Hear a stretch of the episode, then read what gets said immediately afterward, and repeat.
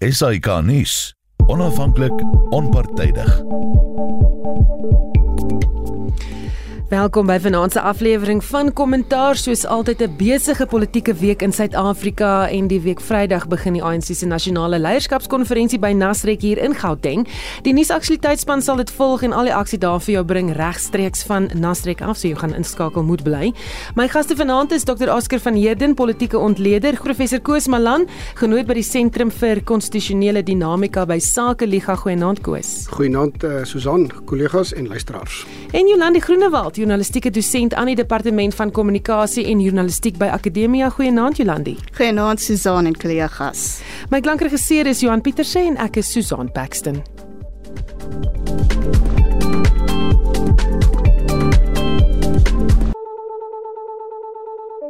Goed kommentaar tyd en behalwe vir Eskom is die gebeure rondom president Cyril Ramaphosa en die implikasies van die Pala Pala artikel 89 ondersoek steeds oral in die nuus.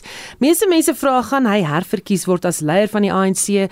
Baie onsekerheid wat heers oor hierdie kwessie en te midde van onsekerheid oor of Dinsdag se stemmery om president Ramaphosa in 'n staat van beskuldiging te plaas sal voortgaan, word ANC LPs gedreig met tigstappe sou hulle ten gunste van Sweet stem. Die ANC se nasionale uitvoerende komitee het verlede week ooreengekom om teen die aanvaarding aankondiging van die verslag te stem. En uh, daar's wel lede van die RET groep wat in die openbaar aangedui dat hulle wel die party sal teenstaan. Verwag ons vuurwerke, Oscar. Wel, kyk so 'n uh, goeie naand en goeie naand aan die luisteraars. Ek dink ek dink ek is seker of waar vuurwerke gaan wees, nie. Ehm um, die kwessie nou is rondom gaan parlementariërs nou hulle eie uh, stem uh, en agvat en en en stem soos hulle wil of gaan hulle natuurlik nou luister na die party wat sê dat hulle teen hierdie uh, verslag moet stem. Ehm um, en die feit van die saak is ek dink dat gegee word die feit jy weet dis 'n dis 'n kwessie wat baie mense spiegel, maar tog wil ek sê dat dit is 'n proporsionele uh, partytelsel. Met ander woorde jy's in jy's in parlement uh want die, die party het gesluit jy moet daar wees. En ek dink hoe dit se se punt met uh, die mantasse punt is dat jy luister wat die party sê. Uh, ons weet natuurlik daar was al voorheen uh, hofsaake rondom hierdie kwessie. Ehm um, jy moet stem, jy moet stem kan hulle hulle eie stem en so dit so aan. Dit is baie interessant. Dit is baie interessant om te om voor te kyk. Hmm. Goeie as die poging om die president in 'n staat van beskuldiging te plaas nie slaag nie, wat word van hierdie Pala Pala verslag dink jy?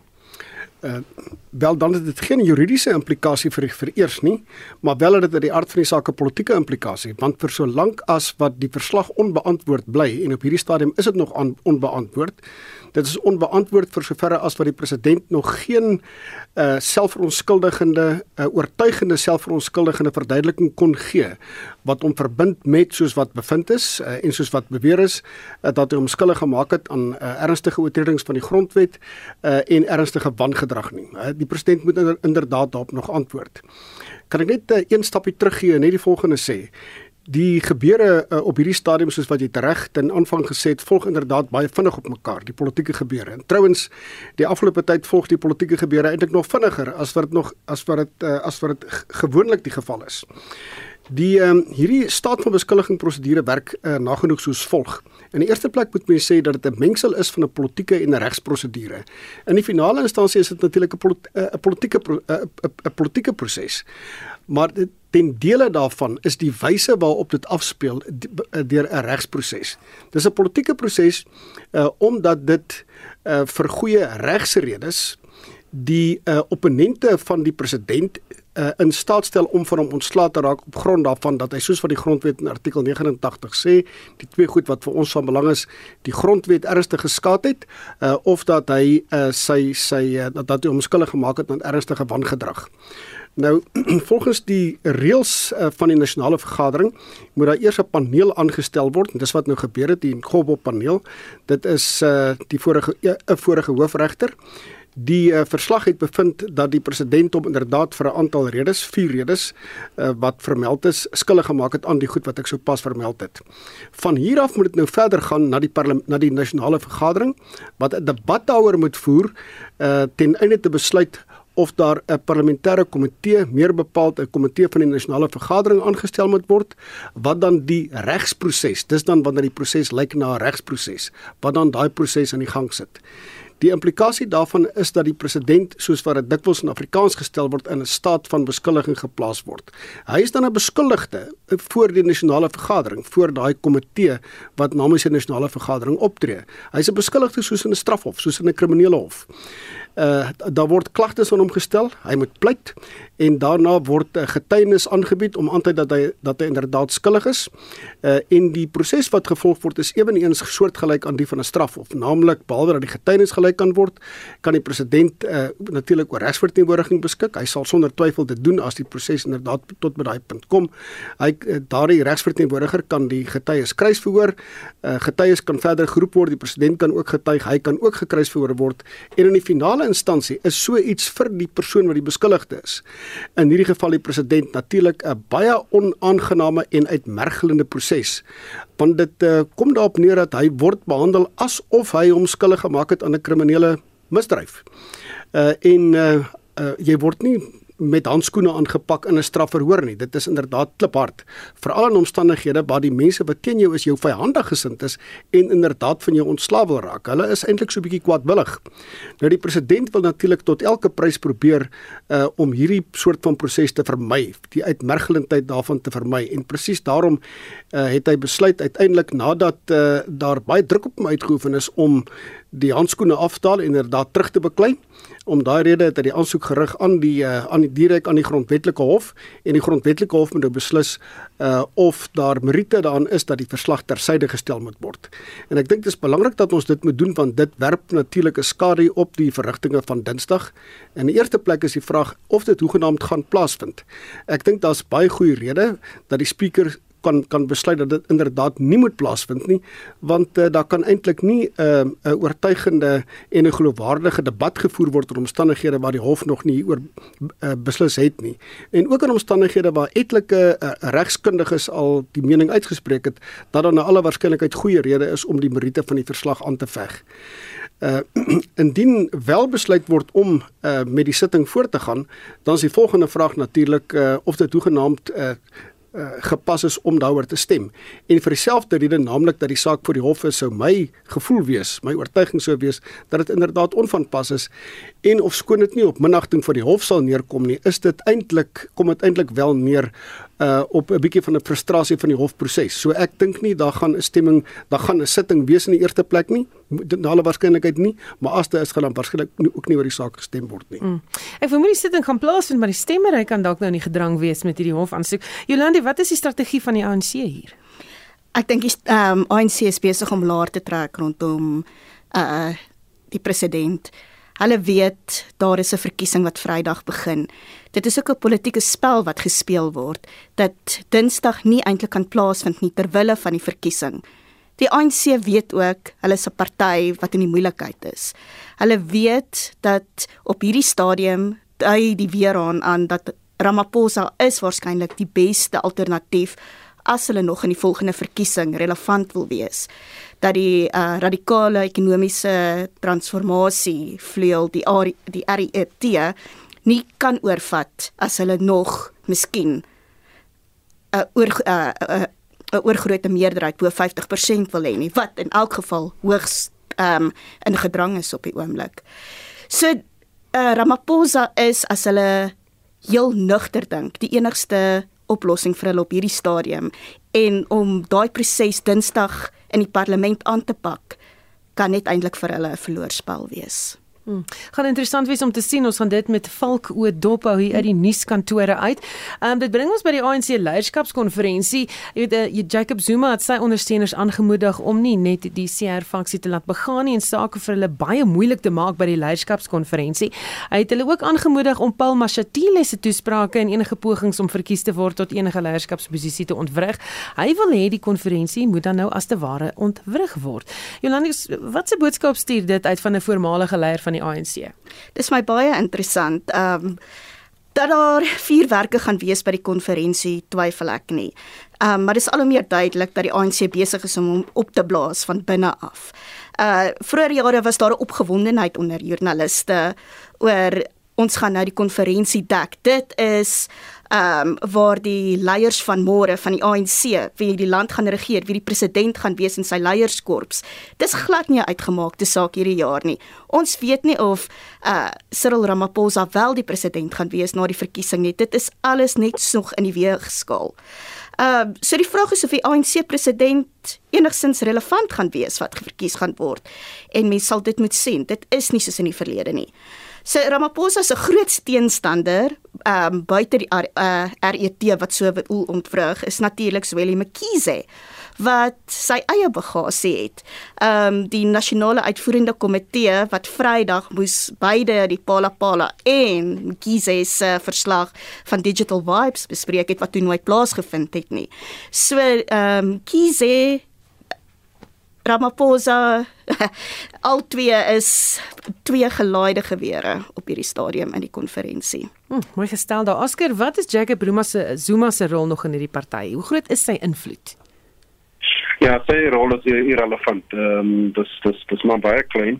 Mense wil graag weet uh, of hoor dat hy nog groot ondersteuning, maar die feit van die saak is dat hy dit nie. Ehm um, die die leierskap van die KZN eh uh, provinsiale leierskap het vir hom gesê hoorie so ons sal jou ondersteun in terme van jou stryd met die hof en en jou hofsaake en dis meer maar jy moet uitbly met die politiek uit. Ehm um, ek dink dat hy het nog steeds hy, hy het nog steeds daai uh wens dat as Mkhize of iemand anders inkom, dan is daar nog steeds 'n moontlikheid dat hy uh jy weet 'n presidentsiële pardon kan kry. Ehm um, sodat hierdie uh moeilikheid van hom kan verdwyn. Uh, maar ek dink uh, hy het glad nie meer daai daai baie invloed nie. Ek dink mense besef dat hy is irrelevant. Ehm um, hy en sy sy makker uh Karl Neus. Glo het Zwelin Kizi dan nou 'n plan om Ramaphosa te ontroon deur 'n mosie van die vloer af in te dien by die konferensie wat vra dat Ramaphosa op sy moet staan. Uh hoe sterk is Zwelin Kizi se hand Oscar? Wel kyk, as ons nog gaan na uh in terme van die mense wat uh, jy weet gesê het hy moet hy moet teen Ramaphosa staan. Ja, Ramaphosa het ter veel baie meer uh, stemme gekry uh, van die provinsies af en so aan. So jy weet almal gee die indruk al, al as ons nou praat van twee kampe Mkhize en en en CR dan al al albei kampe probeer om te sê hulle het die syfers hulle het die nommers hulle gaan definitief groot uh uh moeilikheid maak van die vloer af. Ehm um, uh, en ongelukkig kan ons nou nie sê wat se besprekings het plaasgevind uh in in in in geslote deure agter geslote deure nie. Maar die feit van die saak is as ons nou mooi kyk ehm um, die Unika dis dis as 'n groot meerderheid wat vir Ramaphosa ondersteun uh, wanneer hulle beskerm hom nou vir 'n hele paar maande al. Ehm um, hulle as menie werkingskomitee uh, as jy kyk na die mense wat rondom hom uh, gegaan het en gesê hy moet nou nie bedank nie. Ehm um, dan dan wys dit ook vir jou dat daar is ondersteuning van die Oos-Kaap van van uh, Noord-Kaap van Limpopo en so voort. So uh, jy weet dit is maar nog steeds uh, 'n reis 'n raai raai storie, maar ek dink tog ehm um, en hulle gaan definitief na die vloer toe vat. Dit dit is 'n uitgemaakte saak. Ehm um, want dit is nou die finale ehm um, plek waar hulle nog een laaste staan kan maak om seker te maak dat Ramaphosa nie president van die ANC gaan word nie, maar ek dink hulle gaan faal in daai in daai in daai ding. Hmm. Koos ek sien jy maak verwoed aantekeninge soos Oscar gesels. Dink jy ons gaan sien dat daar dringende vrae gevra word oor Palapala van die vloer af by hierdie konferensie? Dit is uh, eintlik al vrae wat Ramaphosa se teenstanders kan vra. Uh, Daar's eintlik niks anders wat teen Ramaphosa ingebring kan word nie. Die ander dinge wat hulle teen hom kan inbring en dit klink nou 'n bietjie spitsvondig, is om te sê meneer Ramaphosa, ons is baie vies vir jou dat jy nie streng genoeg teen ons opgetree het nie. Want dis inderdaad 'n probleem van Ramaphosa dat hy nie met beslisheid optree nie. Die feit dat daar op hierdie stadium die heeltemal verkeerde verkeerd benaamde RET faksie is, want dit gaan glad nie oor ekonomiese beleid of enigiets anders nie. Dit gaan net daaroor hoe bly ons in die politiek en hoe bly ons salarisse trek en hoe bly ons uh, in staat om kripvreters te wees. Dit gedas nie ekonomiese kwessies nie. Dit is dis dood eenvoudig. Ja, juis, en hoe bly ons uit die tronk uit? Uh so ek ek dink baie keer uh, dat uh, dat ons uh, gee vir die sogenaamde RET faksie heeltemal te veel krediet want deur hulle doodnoodig so te benoem uh, sê ons suggereer ons eintlik dat daar 'n bona fide politieke of ekonomiese of dan ideologiese beleidsoortuiging is wat hoegenaamd nie die geval is nie. Dit is dood eenvoudige 'n uh, 'n uh, 'n uh, 'n uh, konglomerasie van persoonlike belange wat die mense in die politiek hou uh, en wat hulle in staat stel om finansiële voordeel te trek en soos wat Oscar tereg sê om hulle in die tronk te hou. Nou kyk um, Uh die enigste vraag uh, wat inderdaad gestel kan word is met betrekking tot uh tot Palapala en ek dink Ramaphosa sal op sy kalme manier alhoewel ons nie weet natuurlik nie weet wat in sy gemoed in die gang is nie maar sal hy nou waarskynlikheid met grasie daai vrae hanteer. Hy kan argumenteer dat die uh, betrokke aangeleenthede word uh die die Palapala aangeleentheid word op hierdie oomblik deur 'n uh, aantal uh instellings, uh aantal agentskappe ondersoek. Dit is ook 'n uh, onderwerp vir die hofmoord te besluit en net terloops daai vraag waaroor die hof moet besluit. Dis nie 'n dringende aansoek nie, ons moet daar plets nie 'n dringende aansoek nie, is 'n gewone mosie aansoek. Dit gaan eers in Januarie of Februarie voor die hof kom. So hy sal maklik daarbey kan verbykom deur te sê wel ek kan nie nou daarop antwoord nie. Ek gaan nie die regsproses frustreer nie. Dis natuurlik 'n politieke triek, maar as 'n oortuigende ene, die reg staan aan die sekere sin agterom. Uh ek dink dat ehm um, dat uh, Ramaphosa sal na alle waarskynlikheid en dit is dis my raai uh en is sekerlik gevaarlik om te raai veral met die ANC want dit is baie baie onvoorspelbaar. Maar ek dink uh, of skoon daar onstuimigheid uh en 'n groot gedreun gaan wees op die kongres in die eerste dag of wat uh, gaan hy na alle waarskynlikheid taamlik maklik oorleef. En die belangrikste rede is die volgende. Kyk uh, wat gebeur het vanaf omtrent 7 8 dae gelede tot nou. Is baie interessant sal hoor graag hoor wat my kollegas ook hieroor sê, is dat die politieke stemming binne die ANC, die politieke klimaat het dramaties verander. Uh vanaf 'n situasie waar Ramaphosa heeltemal van balans afgeslaan was, uh, en ons weet dat Ramaphosa is in die eerste plek nie 'n vegter nie. Daar's talle politieke kommentators wat al daaroor geskryf het en ek dink daar's oortuigende getuienis om dit te sê. So sy aanvanklike reaksie toe die verslag verskyn het, toe die Nkobbo se verslag verskyn het, was inderdaad om maar te bedank. Uh, die uh, die die die beriggewing daaroor was baie oortuigend. Uh en dit is alleen danksy of van wie, hoe dit mense ook al sou wil sien, die tussen beide treding van van van verskeie van sy ondersteuners en in die finale instansie van Gwede Mantashe dat hy besluit het om terug te veg. En sedertdien is my taksering van die situasie dat 'n groot meerderheid van die caucuslede en 'n groot meerderheid van die NUK-lede, selfs mense wat nie noodwendig naby Ramaphosa staan nie, het besluit om die geleedere se agter hom te sluit. Hoekom? Is omdat Ramaphosa in presies die teenoorgestelde posisie is as wat Zuma was 'n paar jaar gelede. Zuma was 'n was 'n las vir die ANC. Dit was vir die ANC in die finale instansie voordelig om van Zuma verlos te word. Uh met Ramaphosa as die ANC verlos van die groot swaar uh, las van korrupsie oënskynlik en met die oog op 'n sogenaamde New Dawn wat versinnebeeld is deur deur uh, uh, Ramaphosa is die ANC in staat gestel om homself te probeer vernuwe en om 'n nuwe skyn skyn van goedheid vir die kieserspubliek te openbaar. Ehm um, met met Zuma was dit glad nie die geval nie. Die enigste bate wat die ANC het, die enigste leierskapsbate wat hy het, wat erg geskonde is toegegee. Dis Ramaphosa, daar's niemand anders nie. Ehm um, en uh, presies om daai rede sal die grootste meerderheid van ANC amptenaren ensovoorts in die finale instansie wat my betref vir Ramaphosa stem. Hy sal aan die ander kant uitkom as die leier van die ANC. Jolande, jy jou reaksie op dit?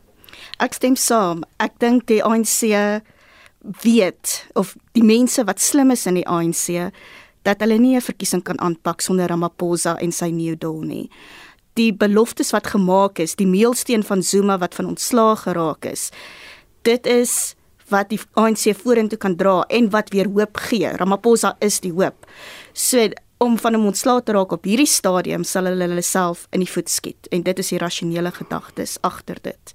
Maar ja, dit is nie te sê dat daar nie 'n koor van ongelukkiges gaan wees wat dreig om amok te saai van binne die ANC by hierdie konferensie nie. Ek dink aan Patabile het Lamini, 'n uh, gewese minister wat klaar wat 15de op die lys was en nou sy verwyder omdat sy tronkstraf of 'n boete gekry het en sy wil dit beveg. Tony Ngeni wat eers nernster is nie wat ook nou ehm um, wil amok maak.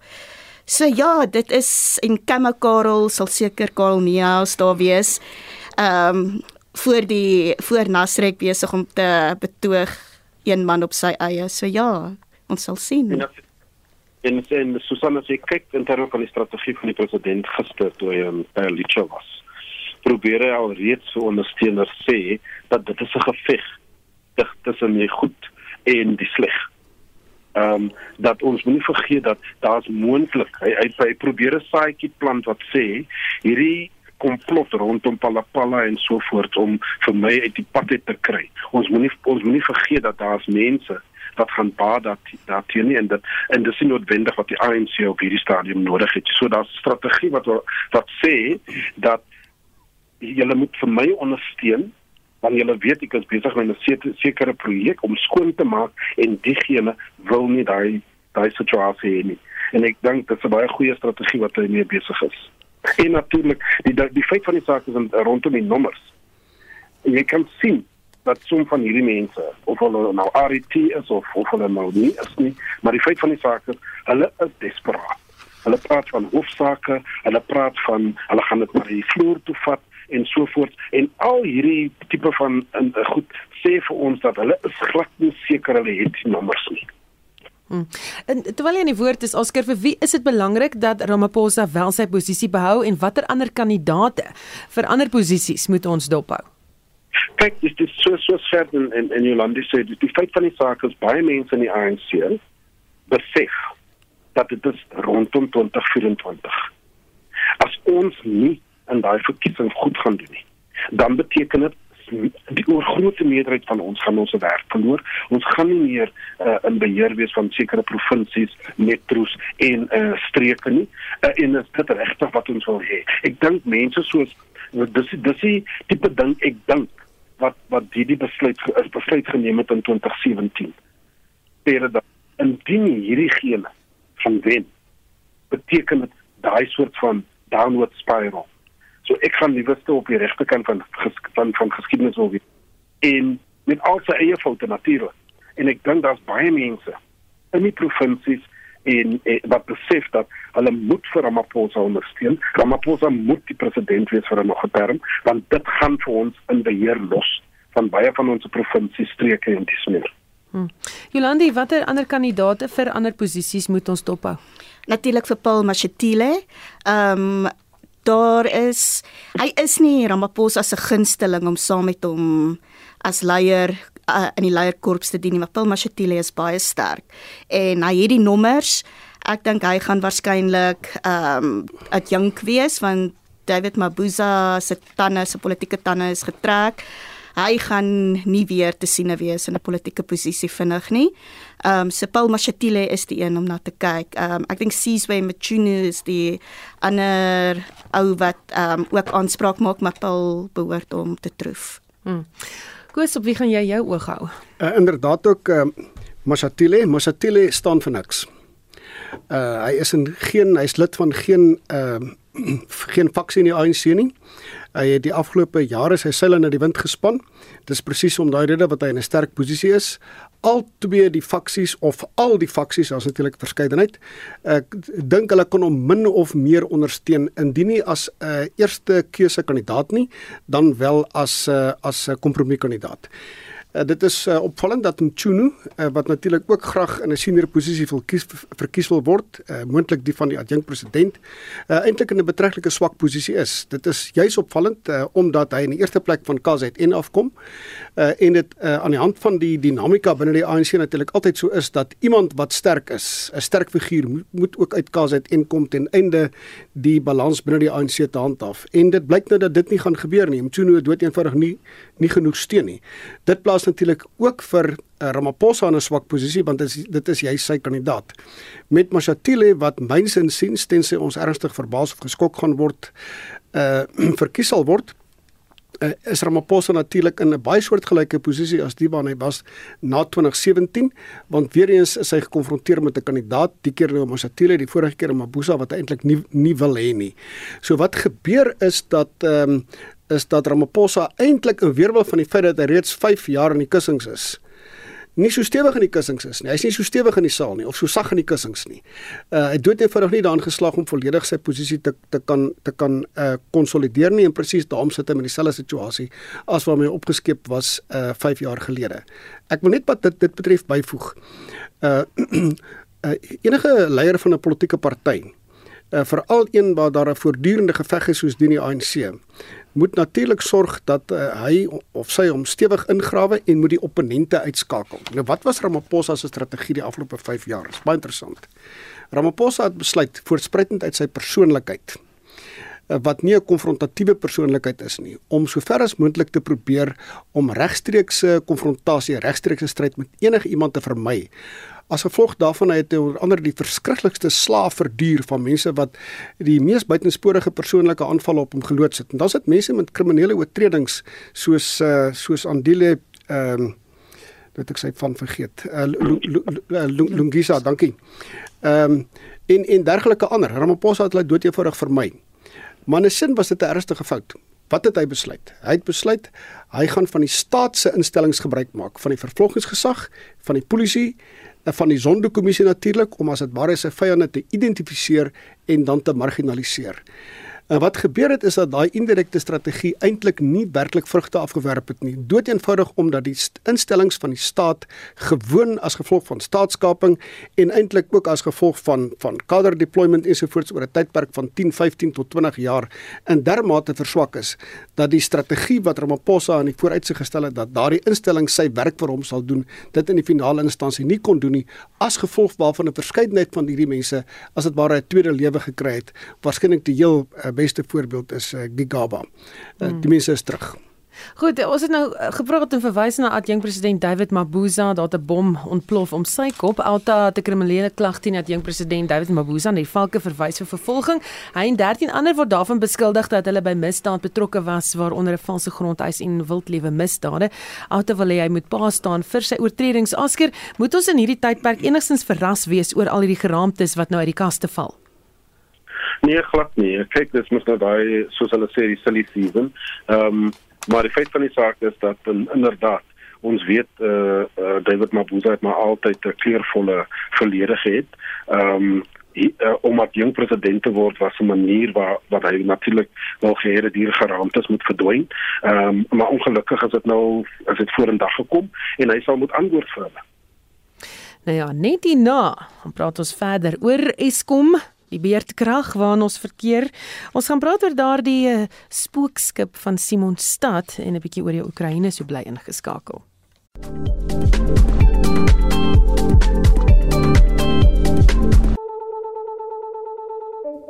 Welkom terug by Kommentaar. My gaste vanaand is Dr. Oscar van Heerden, Professor Koos Malan en Jolandi Groenewald. En Koos, jy sê jy's nog nie klaar met Mabuza nie. Jy het nog 'n sin of twee. Ja, ek dink daar's baie mense wat nie klaar is met Mabuza nie. As jy 'n goed funksionerende strafregstelsel het, moet hulle ook nie klaar wees met hom nie. Uh kyk die beweringe teen Mabuza kom natuurlik oor 'n baie lang tyd. In die eerste plek is daar hierdie strafsaak wat nou aanhang gemaak is deur Elta. Maar hierdie strafsaak is voortspruitend uit 'n siviele saak wat op die oomblik in die Hooggeregshof in Pretoria aan die gang is. Uh wat alreeds nagenoeg 10 jaar oud is. Uh die die uh, die uh, Daily Maverick onder andere het breedvoerig oor die aangeleentheid berig.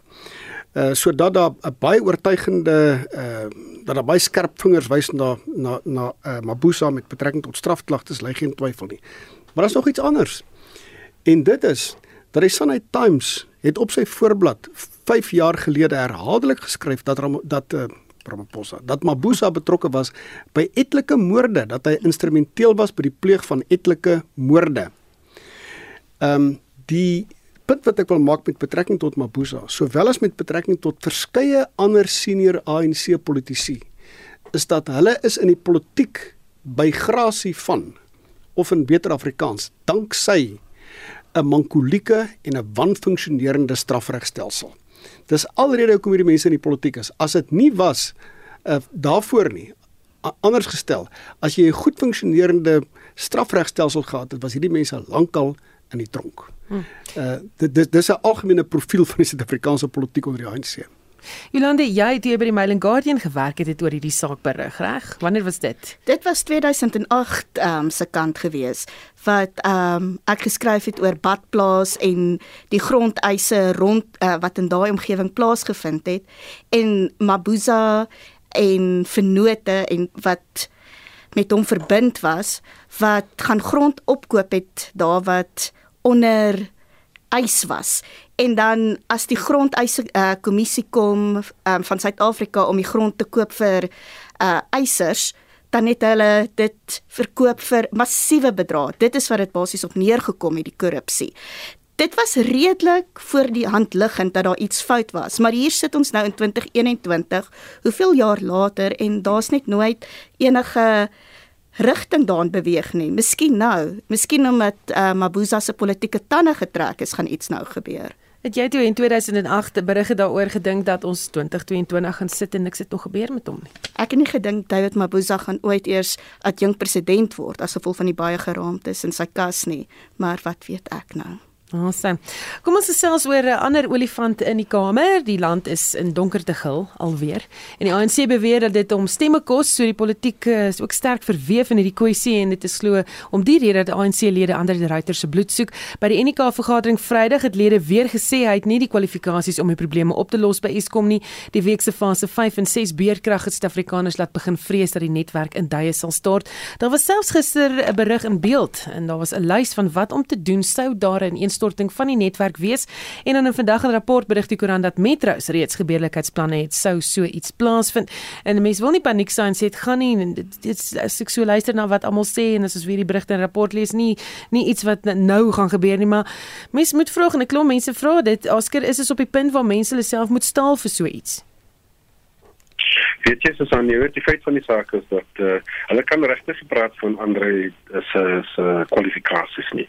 Uh, niemand kan hierdie probleem oplos. Ek dink ons moet eerlik wees. Uh, ons het nou as ons nou praat van ras, ons het nou wit mense gehad aan die aan aan die leierskap van Eskom, ons het swart mense gehad, ons het kleurling mense gehad en almal van hulle het gefaal. Uh, die grootste probleem met Eskom is uh, jare en jare van van maintenance wat nooit gebeur het nie. Daar was nooit geld beskikbaar gemaak nie en die groot groot probleem is toe ons besluit het 'n massiewe infrastruktuurprojek wat ons gesê het waar ons was gesê as belastingbetalers dat dit die die panacea van die probleem gaan wees met Dupe en Kusil en die ANC regering het dit totaal op 'n gemors gemaak daarvan. So jy weet die feit van die saak is as ons nou wil praat van 'n nog 'n massiewe infrastruktuurprojek soos byvoorbeeld 'n kernkragstasie in die Oos-Kaap. Gaan mense net lag en hulle gaan sê ons gee twee redes hoekom dit gaan gebeur. Maar doek nie inklusief. So, jy weet die die ANC moet nou begin eerlik wees. Hulle moet ophou praat van 18 maande. Hulle moet ophou praat van 'n uh, 'n uh, oorlogskamer en 'n uh, uh, uh, ja, 'n risikokomitee en al hierdie stron. Die feit van die saak is politieke besluite moet geneem word mense moet begin eerlik wees met met die eh, die burgerskap en sê ons het 'n groot probleem. Ons kan dit nie oplos nie. En eh, en ons sal groot besluite moet neem. Met ander woorde, 'n permanente soort van uh, uh, kragbeurt vir 3 jaar. Dit is die plan. Dit is wat ons gaan doen. Ons gaan groter uh uh die die die onafhanklike verskaffers ons gaan hulle sê nee vir 100 uh, watt nie 'n uh, kilowatt uh, megawatt ekskuus meer miskien 500 om om die druk van die van die stelsel af te vat en so en so voort. Politieke leierskap is wat benodig word hier en ons moet ophou die die die mense blameer wat vir Eskom uh, beheer. Hmm. As ek nou amper daar 'n synlappie nodig gehad, jy voel vir my baie ontstel hieroor. Ehm um, maar soos jy sê, hierdie is 'n moeilike kwessie want die tesourier sê hy het nie die geld om uh, weet uh, beskikbaar vir hierdie diesel nie, dis so wat 19,5 miljard rand. En aan die ander kant lê die ekonomie ongekende skade met die beerdkrag. Wat moet gedoen word, Koos? Uh wel, ek dink die belangrikste is om kragvoorsiening in Suid-Afrika te privatiseer. Maar dis natuurlik 'n een ding wat die regering nie wil doen nie. Ek wil net 'n klein bietjie teruggaan en by Oscar aansluit. Vir die afgelope 20 jaar was daar bykans behalwe vir Kusile en Medupi was daar geen investering nie. In die tweede plek was daar uiters swak onderhoud Daar's baie van hierdie kragsentrale kragsentrale waarvan die die leeftyd 35 tot 40 jaar is. Baie van hulle uh, is by hulle leeftyd verby. Hulle moes lankal buite werking gestel gewees het en vervang gewees het met ander. Dit is nie gedoen nie. Uh, dan natuurlik uh, het ons ook hier uh, die feit dat jy vir jare uh, verswakking van die weer eens vir die strafregstelsel gehad het as gevolg waarvan uh Eskom soos ander staatsinstellings natuurlik baie kwesbaar geraak het vir diefstal en sabotasie ensovoorts. Ons het die voorsiening van swak steenkool, ons het grootskaalse uh, uh diefstal van diesel en dergelike ander goed. Maar dan die belangrike ding is die uh oplossings hiervoor is reeds geruime tyd gelede aan die hand gedoen. En dit is dat daar is privaat kragvoorsiening en die die die die tegnologie daarmee gepaard gaan is al hoe beter, al al, al hoe meer doeltreffend. Die belangrikste rede waarom dit nie gebeur het nie is Gwedi Mantashe, die persoon wat die ryter identifiseer as die groot probleem. Hy is die probleem. Hy en die ANC regering is die probleem. Hoekom is dit die probleem? Dis baie interessant. Die dis baie belangrik as as 'n staat beheer het oor kragvoorsiening, dan het hy basies beheer oor die publiek. Die oomblik as jy dit prysgee en jy laat op 'n groot skaal privaat kragontwikkeling, privaat krag uh ehm uh, generasie en verspreiding toe ook 'n uh, handel in krag toe wat tot op hierdie stadium nog nie toegelaat is nie. Kommersiële uh uh handel met, met tussen tussen uh, tussen privaat verskaffers dan los jy die hele probleem waarskynlik binne enkele jare op. Die probleem moes hoef nooit te geontstaan het nie. So die rede daarvoor is basies dit dat die ANC het hierdie geweldige drif gehad ooreenkomstig sy Dis nie dis nie toevallig nie, dis ooreenkomstig sy ideologie van transformatisme, naamlik om soveel as moontlik oor alles beheer uit te oefen. En presies daai beheerdrif het Suid-Afrika in die drif met betrekking tot kragvoorsiening waar ons nou is. Wat ons het by Montash en ek wil dit baie graag aan die hand gee. Ons sal graag wil hoor wat die kollegas daarvan dink. Wanneer ons luister na Montash en luister na die ANC, byvoorbeeld met betrekking tot uh die aanvalle wat op die ryter gedoen word, dan kry jy die indruk dat het te doen met 'n kragtadige ANC, 'n kragtadige kragtadige regering wat baie sterk is. Want kyk hoe kan hy sy gewig rondgooi met betrekking tot die arme Andre de Ruyter. Hm. Presies die teenoorgestelde is waar. Jy het hier te doen met 'n bewerige regering wat paniekerig is vanweë die feit dat hy oor basiese goed beheer verloor en in die finale instansie geen keuse het nie as om mag af te staan. Hm. Jolande, ek gaan nou vir jou kans gee om te reageer daarop, maar ek wil was by jou bly. Uh, hierdie het gepraat van sabotasie en alles wat daarmee gepaard gaan. Dit het ook half die groei van 'n kriminele ekonomie tot gevolg gehad wat agter die beerkrag sit. Ehm um, en dit raak ook 'n spoor wees, nie net Eskom nie. Wel kyk, uh 2 maande gelede het die Global Initiative Against Transnational uh, Organized Crime 'n uh, verslag gepubliseer met betrekking tot uh, georganiseerde misdaad in Suid-Afrika.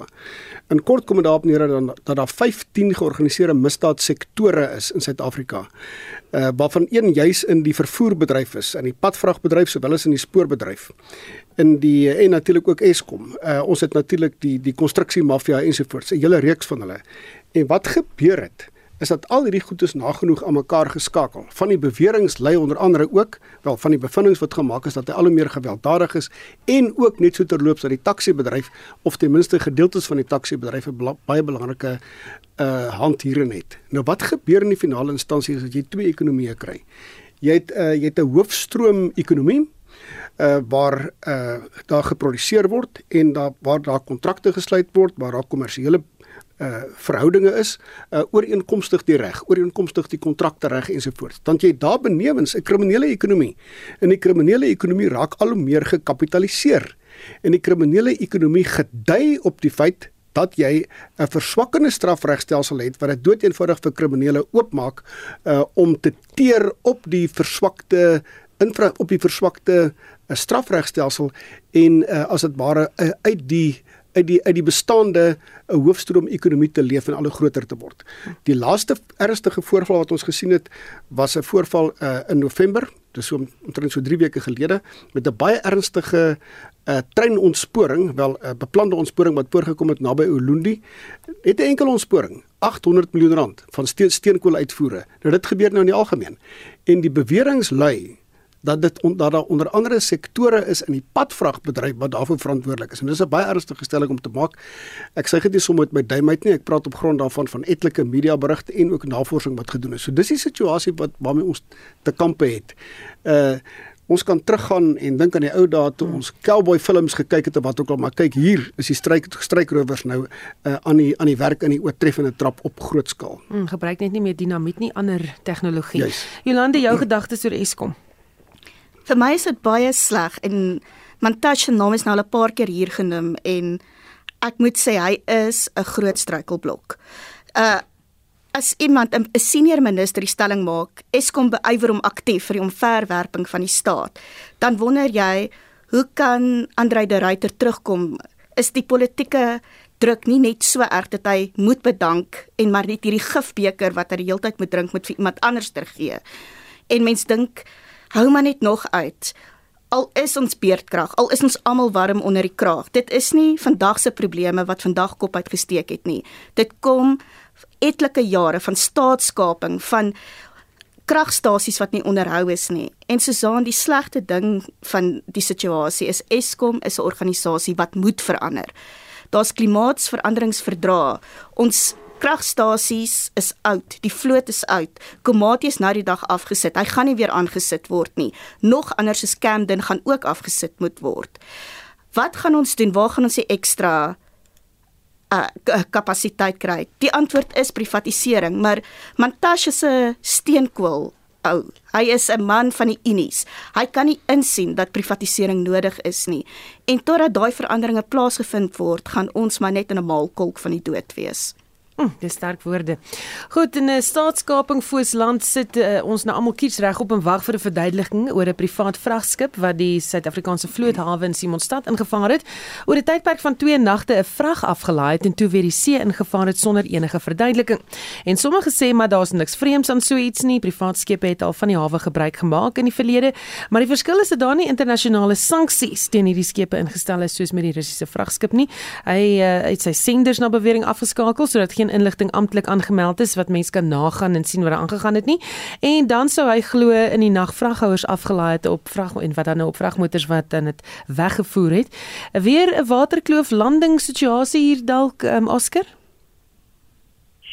Jy weet so dan net 'n moeilike enetjie, jy weet ek ek het probeer om uit te vind wat gaan aan, maar mense is maar feitelik oor die hele situasie. Maar die feit van die saak is ek dink tog ons moet ook in ag neem dat ons is ons ons jy weet ons ons is besig hier met militêre mense, is 'n uh, militêre basis. Ehm uh, um, jy weet hulle doen baie dinge wat hoogs geheim is.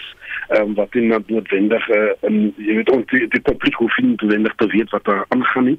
Ehm um, dit dit dit beteken nie natuurlik hulle moet vir ons sê wat wat is die situasie nie.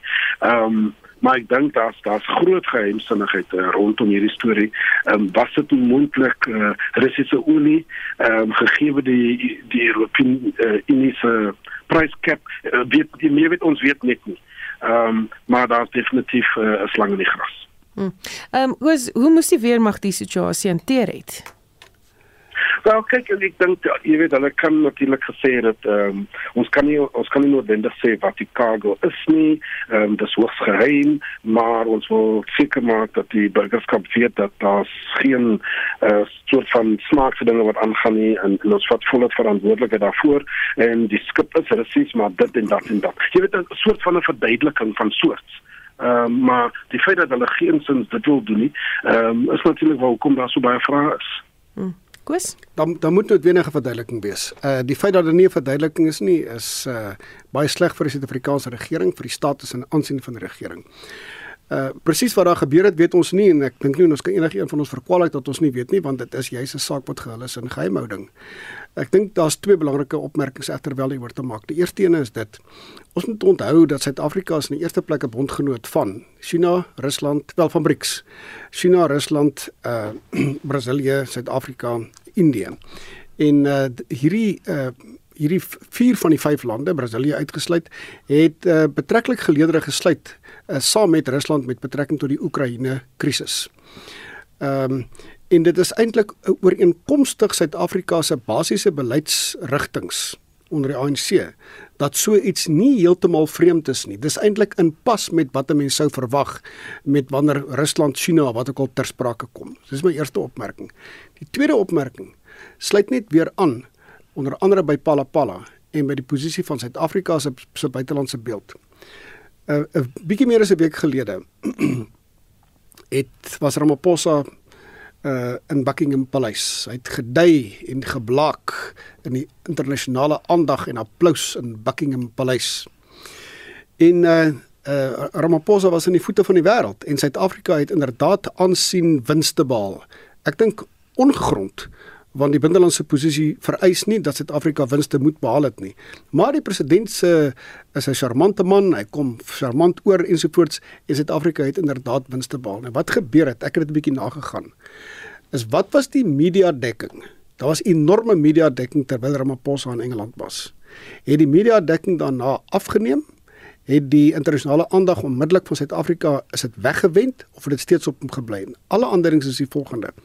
Die media aandag was op Ramaphosa toe in, in Engeland was, die Britse parlement toegespreek het en so aan en so aan en het daarna op Suid-Afrika gebly in omstandighede waar Ramaphosa sou verkies het en die ANC sou verkies het dat die aandag liewers heeltemal weggewend moes gewees het. So dit is uiters dis dis vreemd hoe hierdie goed gebeur. Hoe sê hulle? Harold Wilson gesê 'n week in die politiek kan 'n baie lang tyd wees. Nou hier is dit inderdaad die geval. Ramaphosa sou baie graag en die ANC sou baie graag wou gehad het dat die internasionale aandag, die media aandag afgewend moes word van die land uh, nadat Ramaphosa teruggekom het in Suid-Afrika presies die teenoorgestelde het gebeur. Die aandag het net eenvoudig voortgeduur. So daai golf wat Ramaphosa moet gery het, moes gery het, was uiteindelik die rioolsloot waarin hy beland het. Ehm um, as gevolg van Palapala en hierdie situasie met die boot, die Russiese skip vir soverre as wat daar nie enige verduideliking gegee word nie, beteken dat Suid-Afrika se internasionale aansien onder die ANC nog verder verwoes word. Jolandi, ek dink die skip, die Lady R, is 'n weerhaan vir 'n tipe internasionale beleid wat Suid-Afrika volg, wat al hoe meer toenadering by die Russe soek.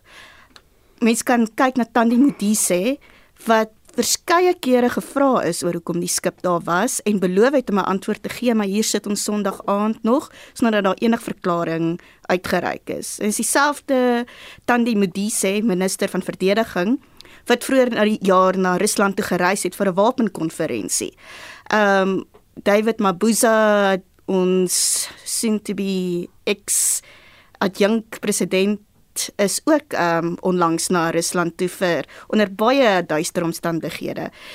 Daar's baie toenadering en baie dinge wat mens kan kyk en tot vandag toe weier Suid-Afrika om Rusland se aggressie teenoor Oekraïne te veroordeel. So dat daar 'n tipe van 'n verhouding is, dink ek nie kan ons twyfel nie en ons moet die vraag vra wat soek Rusland van Suid-Afrika? Wat is die eindspel hier? Hoekom soek hulle toenadering aan mekaar? Ehm um, is dit verhandel en dis altyd goed om 'n ekstra handelsvernoot te hê, maar hier is net te veel vrae en te veel dinge wat nie in die openbare belang is wat plaasvind nie. Hmm, klink vir my so amper asof hulle gaan inkopies doen net en daai bestellings miskien word nou afgelewer. Ek is nie ja. seker nie nie. kan, kan ek net vinnig dit sê? Ek verkwalik hoe gedamp nie vir Rusland nie. En die vraag oor Rusland se beweerde aggressie met betrekking tot die Oekraïne, dit mag dalk vreemd klink, is 'n saak wat mense maar bietjie kan debatteer oor. Dit is nie so eenvoudig soos dit nie. Uh die feit is dat Rusland op die oomblik met betrekking tot uh, Wes-Europa, ook met betrekking tot Oos-Europa in 'n sekere sin en natuurlik die Amerika's geïsoleer is. Maar allermins in totaliteit. Rusland is allermins ge geïsoleer met betrekking tot groot moondhede soos uh China en Indië. En Indië is groot moondheid uh en uh, dat dit uh dat dat Rusland toenadering tot Suid-Afrika soek vir watter rede ook al uh om watter bande ook al aan te knoop is 'n voorhandliggende ding. Dis nie vreemd nie, dis nie klandestien nie, dis nie onderhands nie. Dit is wat 'n staat doen. Hy probeer sover as moontlik vir alle omstandighede waar waar hy onder druk verkeer, probeer hy om sy belange te vestig en dis wat hy ook met betrekking tot Suid-Afrika doen wat blyk bereid te wees om dit wel te doen. Hm. Oscar, ek hoor vir jou daar in die agtergrond ietsie te sê. Ja nee, ek stem saam met. As jy kyk die storie van die, die feit van die saak is dat die BRICS lande is besig om te konsolideer.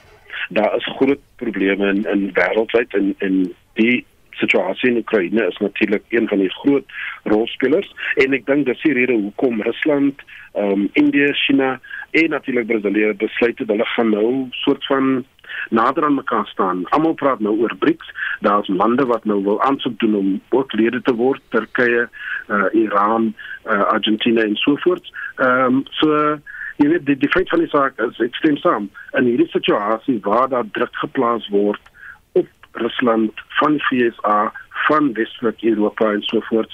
Uh, is hulle besig om verbande sterker te maak. Ehm um, ons weet nog nie wat was die die inkopies wat gedoen was nie, maar uh, hopelik sal ons uit van 'n 'n 'n jy weet 'n 'n 'n 'n 'n toekoms in in die nabye uh, uh toekoms Mm. Terwyl ons nou praat van Rusland en Oekraïne, kom ons bly by daardie storie, die oorlog steeds daar aan die gang. Uh twee mense is dood, nog 5 gewond nadat Russiese troepe die suidelike dele van Kherson in Oekraïne aangeval het. En uh die Kherson is in November terug verower van die Russe af in 'n teenoffensief wat geloods is deur Oekraïne. Belangrike infrastruktuur is ook in Odessa aangeval en nou sit mense in Oekraïne ook in die donker. Ehm um, daar is aanvanklik gesê dat uh, die beslissende faktor gaan die winter wees. Dis die ou wat die langste gaan kan uit uithou uh, wat hierdie oorlog gaan wen. sien ons al iets daarvan Oscar? Kyk, die feit van die saak is Rusland is al reeds besig om te wen. Uh die westerse media is besig met 'n storie wat sê, uh, jy weet as jy as jy luister na die na die media, uh, Putin is besig om dood te gaan met van kanker. Ehm um, daar's niks ammunisie nie. En uh, daar's nou al niks meer uh uh missiele uh in hulle en so en so voort. Dit is net 'n hele negatiewe storie, maar die feit van die saak is Oekraïne is in 'n baie baie slegte uh, situasie. Uh, 80% van die land is in die donkerte. Daar's niks hitte nie. Daar's uh, water in sekere gebiede waar daar niks water is nie. Ehm um, en die regering van Oekraïne is besig om hulle burgerskap te vra om om om stede te verlaat en en, en wanneer hulle kan nie die nodige voorsiening maak nie. Ehm um, die feit van die saak is Oekraïne se weermag is besig om groot groot uh, syfers te verloor. Ehm um, en jy weet ek ek weet net nie hoekom dit so belangrik is vir die westerse media om aan te hou met die storie dat Oekraïne besig om te wen. Want ek dink enige een met 'n halwe brein in sy kop kan sê, kan sien, dis nie die geval nie. Ehm um, en ek dink dit is 'n baie ongelukkige situasie vir die mense van Oekraïne. Jolande, jou laaste gedagtes of 'n laaste gedagte van jou af eh, dan nou oor Oekraïne? Ja, dis maar weer die Europese winter en oorlog en dis altyd dit speel 'n groot rol. Dit het in die Tweede Wêreldoorlog 'n groot rol gespeel en dit gaan 10 teen 1 'n groot invloed hê op die uitkoms en wanneer die oorlog gaan eindig. Mense sal moet sien hoe die winter verloop, maar ek dink Oekraïne is in 'n baie slegte posisie op hierdie stadium weer met die aanval met Odessa. Dis koud, jy het nie krag nie dit is baie uh, maklik om te verloor. Koos laaste woord is joune. Uh, ja, uh, twee nagenoeg twee Sondae gelede het uh, van die deelnemers op hierdie program uh ek moet nou nie te veel uh in detail op ingaan nie want die mense is nou nie hier om hulle self te verdedig nie maar as daar gesê dat uh maar kyk uh, dis nou baie goed uh, dat daar bepaalde uh, uh intrede was ten einde te, te verhoed dat uh, die oorlog uitbrei nadat daar 'n missiel geval het in Pole. Uh die uh die NAVO optrede is verwelkom sodat die oorlog nie uitbrei nie. Dat dit net 'n oorlog tussen Rusland en Oekraïne bly. Dit is verkeerd. Dis lankal nie meer net en trouens reg van uit die staanspoor was dit nie net 'n oorlog tussen Rusland en Oekraïne nie. NAVO is betrokke by die oorlog in alles behalwe 'n naam.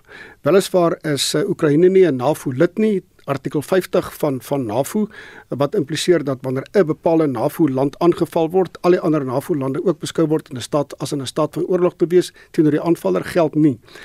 Maar daar is soveel Amerikaanse en ook Duitse en Franse wapens uh, dat uh, Amerika veral uh, in uh, in alles behalwe in uh, 'n naam betrokke is by die oorlog en daar is na alle waarskynlikheid ook behalwe uh behalwe enorm hoeveelheid wapentuig is daar ook reeds op klein skaal Amerikaanse troepe of ten minste Amerikaanse raadgewers by by Oekraïne betrokke uh teen teen Rusland. Uh dis 'n jammerlike situasie. Ek dink die uh uh die uh, die aanleiding van die oorlog uh is en dis om dit op die geskiedenis in te gaan is dat die is dat Wes dat is dat NAVO uh in die Europese Unie uh, sy uh, invloed oor die afgelope 20 jaar geleidelik al hoe meer verder uh, oos uitgebrei het uh, tot in so 'n mate dat uh, sekere gebiede spesifiek soos die Oekraïne as dit ware binne 'n westerse invloedsfeer gekom het wat Rusland beskou het as 'n uh, inbreuk op sy bepaalde kernbelange.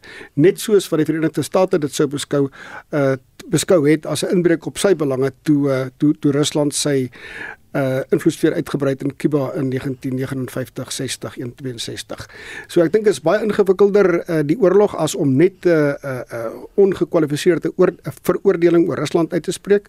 Laastens dink ek dat uh die um die die, die oorlog is waarskynlik taamlik op sy laaste bene. Ek vermoed uh, ons stuur waarskynlik op einde daarvan af in die guns van Rusland. En dit was die stem van professor Koos Malan genoot by die Sentrum vir Konstitusionele Dinamika by Sakeliga saam met hom gaste Jolandi Groenewald.